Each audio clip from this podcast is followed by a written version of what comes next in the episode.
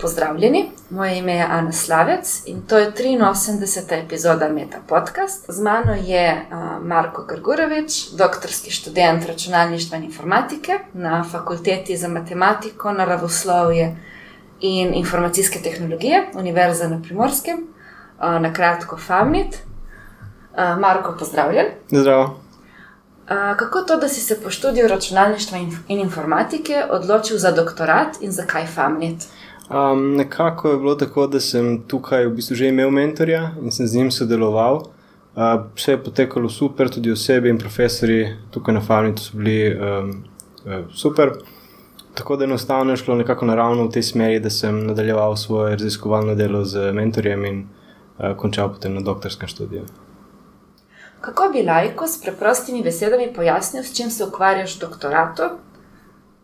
Um, v svojem doktoratu se ukvarjam predvsem z algoritmi, to so postopki, kako lahko uh, računalniški program naprimer, izvede uh, neko zaporedje okazov in pride do nekega željenega cilja.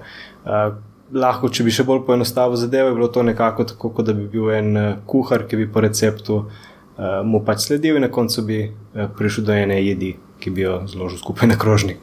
Uh, v mojem primeru se ukvarjam posebej z problemi, ki so definirani na grafih. Eh, tukaj govorimo o kombinatoričnem grafu, to je en matematični objekt, ki zelo poenostavljeno povedano, če bi gledali na točke, kot recimo mesta, in med njimi dali povezavo, ki je kot neka cesta, ne, potem bi bil to eh, te točke, pa te ceste bi bil za nas graf. In na teh grafih so razne, pač, imamo razne probleme, kot so probleme iskanja najkrajših poti, recimo med temi cestami, uh, ali pa marsikaj drugega. In v disertaciji se pač ukvarjam s tem, da skušam te probleme rešiti na učinkovit način z temi kuharskimi recepti, ki jim pravimo algoritmi. Omenjaš zaporedne in usporedne algoritme, ter za ene uporabljaš RAM, za druge pa PRAM. Ali je to tisti pomnilnik, ki ga poznamo, oziroma se z njim srečujemo pri računalniku, ko, ko kupujemo računalnik, to je ena lastnost, ki jo ponavadi preverimo? Uh, v bistvu tukaj gre za. Uh, kratica je ista, ima pa drugačen pomen in dejansko pomeni stroj, ki uporablja tak pomnilnik. Um, in gre za dejansko točno tak pomnilnik, ampak nekoliko poenostavljen, ker ga z vidika znanosti skušamo uh, preštudirati in razumeti, kako deluje, pa analizirati, in zato pogosto spustimo kakšne detajle, ki so nam pač nezanimivi z tega vidika. Tako kot recimo fiziki uh, problem preučijo v zelo omejenem uh, okolju, ker imajo nadzor nad vsemi spremenljivkami. Um, in tako da, ja, v bistvu gre za uh, idealiziran teoretičen model, ki uporablja točno tak pomnilnik, kot ga imamo v bistvu v naših računalnikih. Kakšna je pa razlika med enim in drugim, torej recimo med zaporednimi in usporednimi? Um, tako je nekako, da z zaporednim strojem preučujemo zaporedne algoritme, z usporednim strojem pa usporedne algoritme. Kaj je razlika med temi dvemi uh, algoritmi? Pa če gremo spet na tisto prispodobo kuharjev, bi bil zaporedni algoritem en kuhar, ki kuha po enem receptu in na koncu naredi tisto jed. Če pa imamo usporedni algoritem, pa govorimo o dveh ali pa več kuharjih, ki skupaj nekako nekaj kuhata in na koncu oba dva skupaj na isti krožnik dostavita eno jed. To pomeni, da mora biti med njimi neko usklajevanje. In če bi recimo imeli 100 kuharjev, si lahko predstavljamo, kako bi se vsi med sabo pretepli, pa ne vem kaj. In ravno te tehnike usklajevanja so predmet uh, usporednih algoritmov. Hm. Um, zanimiv termin, ki ga uporabljaš, je tudi požrešnost. No, zato, zato je tudi zanimivo, mogoče zaradi tega tudi kuharske prispodobe. Ampak verjetno ta požrešnost je mišljena v nekem drugem smislu. Uh, torej, kaj, ta, um, kaj pomeni, ko rečeš, da je neka metro, metoda oziroma algoritem požrešen? Um, s tem v bistvu definiramo en, uh, eno kupico načinov, kako rešujemo. Eh, problem. In požrešen algoritem je tak algoritem, ki, ko ima možnost izbrati eno ali drugo opcijo, bo zbral vedno tisto opcijo, ki mu da takojšnjo uh, nekako olajšanje ali takojšnjo izboljšavo rešitve. To pomeni, da če bi izbiral med dvemi opcijami in bi, izbral vedno tisto, ki mu je v tem trenutku ta boljša, ne bi pa mogoče šel zbrati tisto slabšo opcijo, zato da se bo lahko v naslednjem koraku odkrilo več opcij, od katerih bo mogoče ena boljša kot tista ta prva. Tako da požrešen algoritem je tako zelo omejen in uh, vidi samo trenutno stanje. Gre v bistvu pri teh požrešnih algoritmih tudi za to, da porabijo več tega pomnilnika računalniškega? Uh, ne nujno. Uh, te, tega pač ne, jih ne klasificiramo na ta način, samo glede na to, kakšno izbiro naredijo. Um, v tvoji dispoziciji omenjaš um, pojma kombinatorične in metaheuristične optimizacije. Um, v čem se razlikujeta od običajnih metod optimizacije in v čem se razlikujeta med seboj? Dejansko gre za čisto dve različni stvari, ampak kombinatorična optimizacija kot taka je sem pomeni, da so tukaj problemi, eh, kjer je rešitev tega problema zauzame vrednost iz neke končne množice. To pomeni, da če bi jaz gledal tisti zemljevid, pa imel mesta na njem, pa ceste med njim, in bi zdaj mene zanimalo, kako jaz prijem iz enega mesta do enega drugega mesta najhitreje bi lahko nekdo vedno šel pa našel vse možne kombinacije, kako se bo zapeljal, in temu bi potem pravili, da je rešitev končna množica. Uh, kombinatorična optimizacija se ukvarja pa uh, s takimi problemi, ker je rešitev končna množica. Torej, jih lahko kombinatorično gledamo, gledamo na vse možne kombinacije, pa permutacije tega. Um, Metaheuristična optimizacija uh, je pa način, kako rešujemo en problem.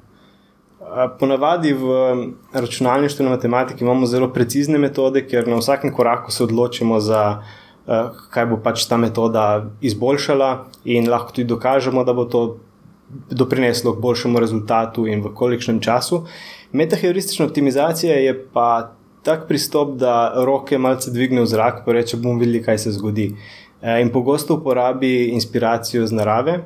In ideja je, da imamo nek, neko idejo, kako bomo tole rešili, uh, si sposodimo pač tole inspiracijo iz narave in pustimo, da se zadeva izvede. In, in ta zgodi. inspiracija iz narave, recimo v tvojem primeru, je ta um, sistem mrave.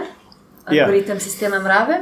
Tako, um, ena od možnosti tukaj, seveda, govorimo med, pri metaheuristični optimizaciji, je res na milijone, od netopirjev do čebel, do delcev in ena od teh so tudi mravlje. Ker um, ideja je taka, da pač mravlje imajo svoje mravlišče, ne, pa grejo ven, pa najdejo hrano in pridejo nazaj. In ideja je, da se zgledujemo po mravljah, jih poenostavimo, pa malce preučimo, kako biološko to deluje, in potem to zadevo na podoben način naredimo mi v računalniku. In kako mravlje to počnejo, je, da pač startajo v tistem uh, svojem mravlišču, uh, malo tavajo okrog kar nekje, dokler ne najdejo enega cukrčka, recimo, ga naložijo na sebe in celo pot nazaj se potem slinijo praktično in puščajo te feromone. Um, In Aj, ko pride, to dejansko temelji na tem, ja, tako je. In potem, ko ta mravlja pride nazaj, pušča tole sled feromonov.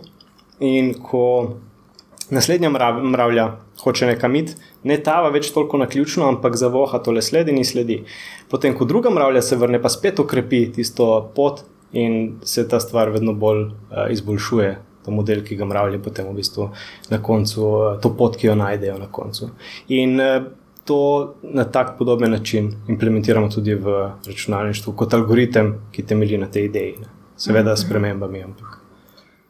Um, zdaj, eno vprašanje, ki mi pride na misel z tem, pač neko asociacijo sem imela, ko si omenjal pač to naravo, pa mravlje, pa ne topirje.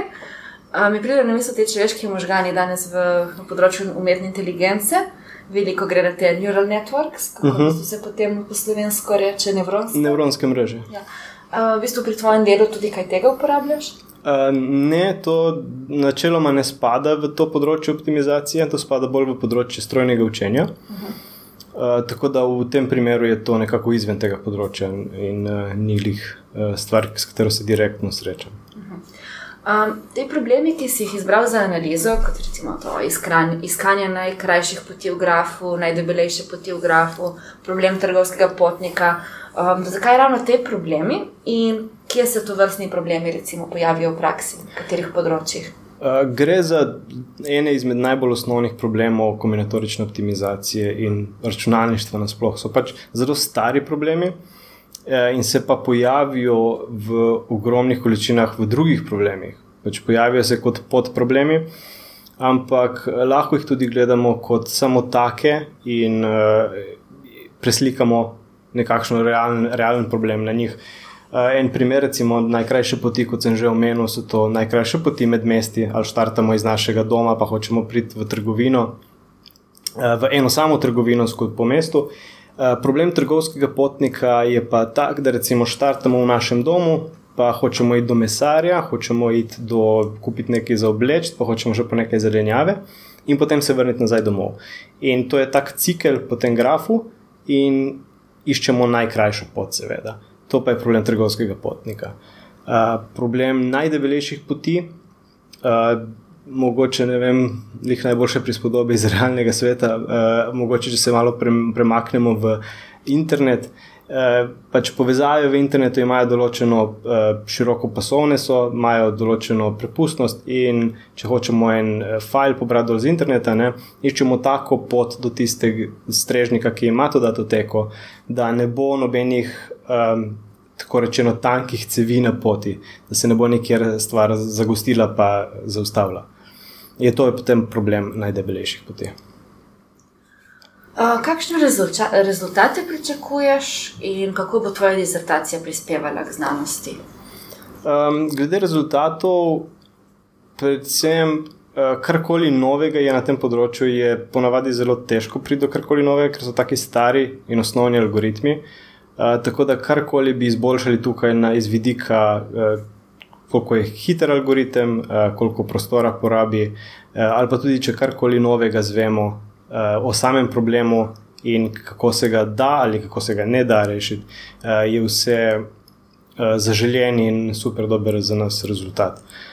Um, predvsem je ideja, da naredimo kakšne nove algoritme, eh, jih testiramo, pogledamo, ali se dobro obnese v praksi, in je lahko to potem istočnica za bodi si raziskovalno delo naprej, ali pa tudi, eh, če bo kdo recimo tako zadevo implementiral v praksi, eh, da lahko reši konkreten problem.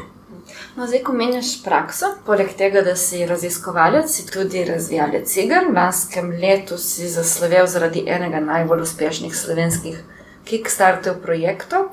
To je igra Mordha, za katero si želena sredstva zbral manj kot v 24 urah. Um, zaradi tega uspeha si bil veliko v medijih, zato te ne bom spraševala konkretno o tem, ampak me zanima nekaj drugega, uh, kar druge nisem zasledila. Zanima me, ali si pri razvoju te igre implementiral tudi kakšne znanja, ki jih razvijaš v okviru doktorskega študija. Glede samih konkretnih eh, postopkov, ki so uporabljeni v, do, v doktorski disertaciji, direktno nekako ne, ker je področje zelo različno. Definitivno mi pa je pomagala izkušnja in znanje, ki je bilo pridobljeno v času tega študija, predvsem eh, matematično eh, ustrezno formulirati problem in ga zelo natančno preučiti. Um, da bi pa direktno uporabil lahko kakšne rezultate, tam žal ne upam, da bo v prihodnje um, malo bolj povezano tudi to dvoje področje raziskovanja in uh, industrije, uh, v kateri trenutno delam. Ampak zaenkrat je to tako. Uh, videla sem na spletni strani Famnita, da tudi um, si asistent pri predmetu teorija iger.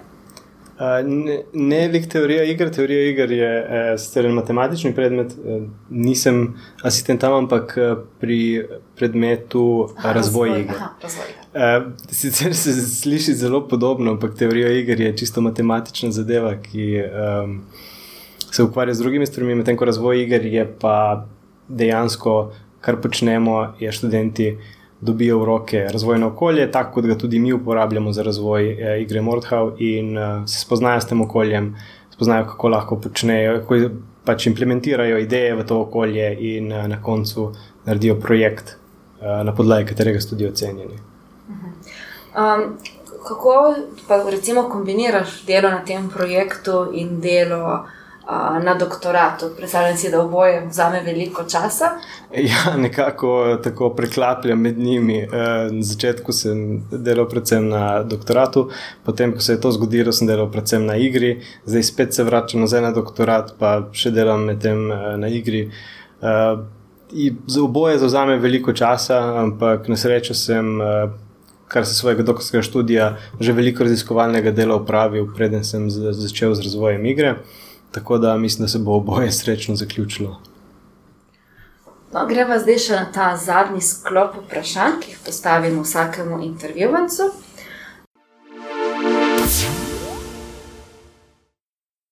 Ali se spomniš kakšne zabavne ali zanimive anekdote iz časa doktorskega študija? Mogoče pomembnost eh, zapisovanja vseh idej, tudi ta slabih. Na začetku študija sem imel, kot verjetno vsi, en kupenih idej in kot vsi, verjetno, eh, večina teh idej je bila za nič.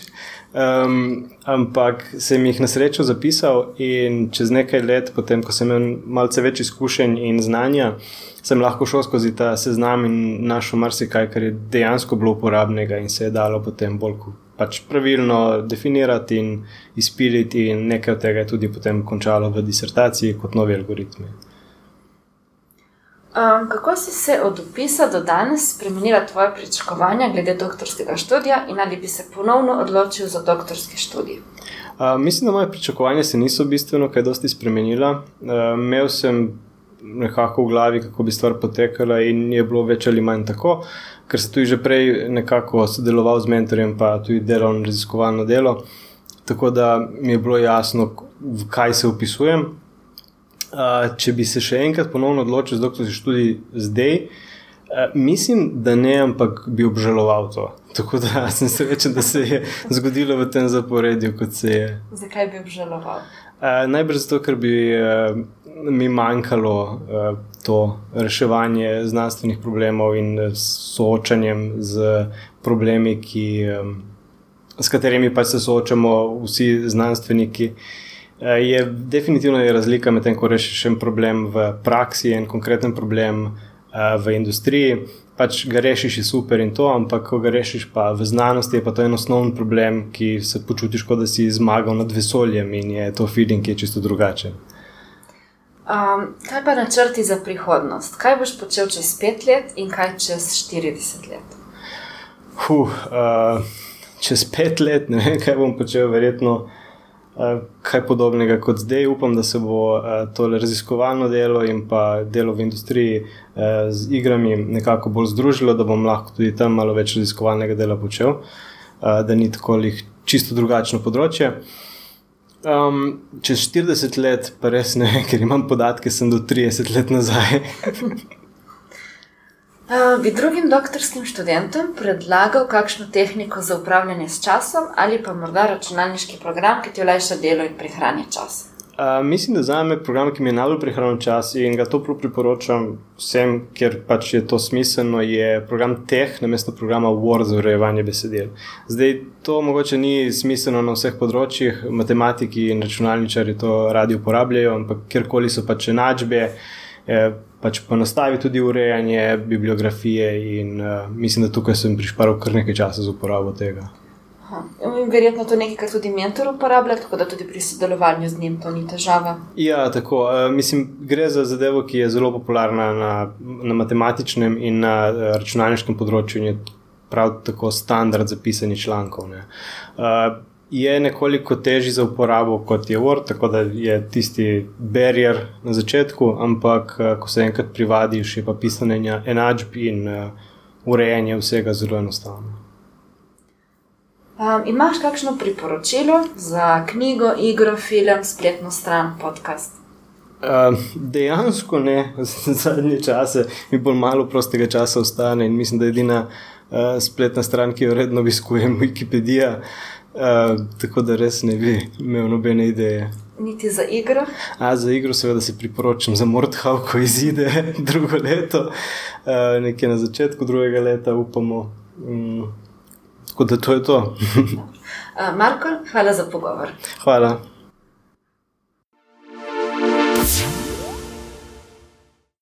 Poslušali ste Meta podcast. To je oddaja, v kateri se pogovarjamo z mladimi znanstveniki in znanstvenicami z različnih področji znanosti. Podcast domov je na spletišču metina.si, kjer najdete tudi druge zanimive znanstvene vsebine. Pohvale, pripombe in predloge lahko posredujete po e-mailu znanost.afnametina.si. Dobrodošli so tudi komentarji na Facebook profilu Metina Liste in na Twitterju afnametina.lista, kjer uporabite hashtag metapodcast. Naslednjo epizodo pričakujte čez 14 dni. Se slišimo. thank you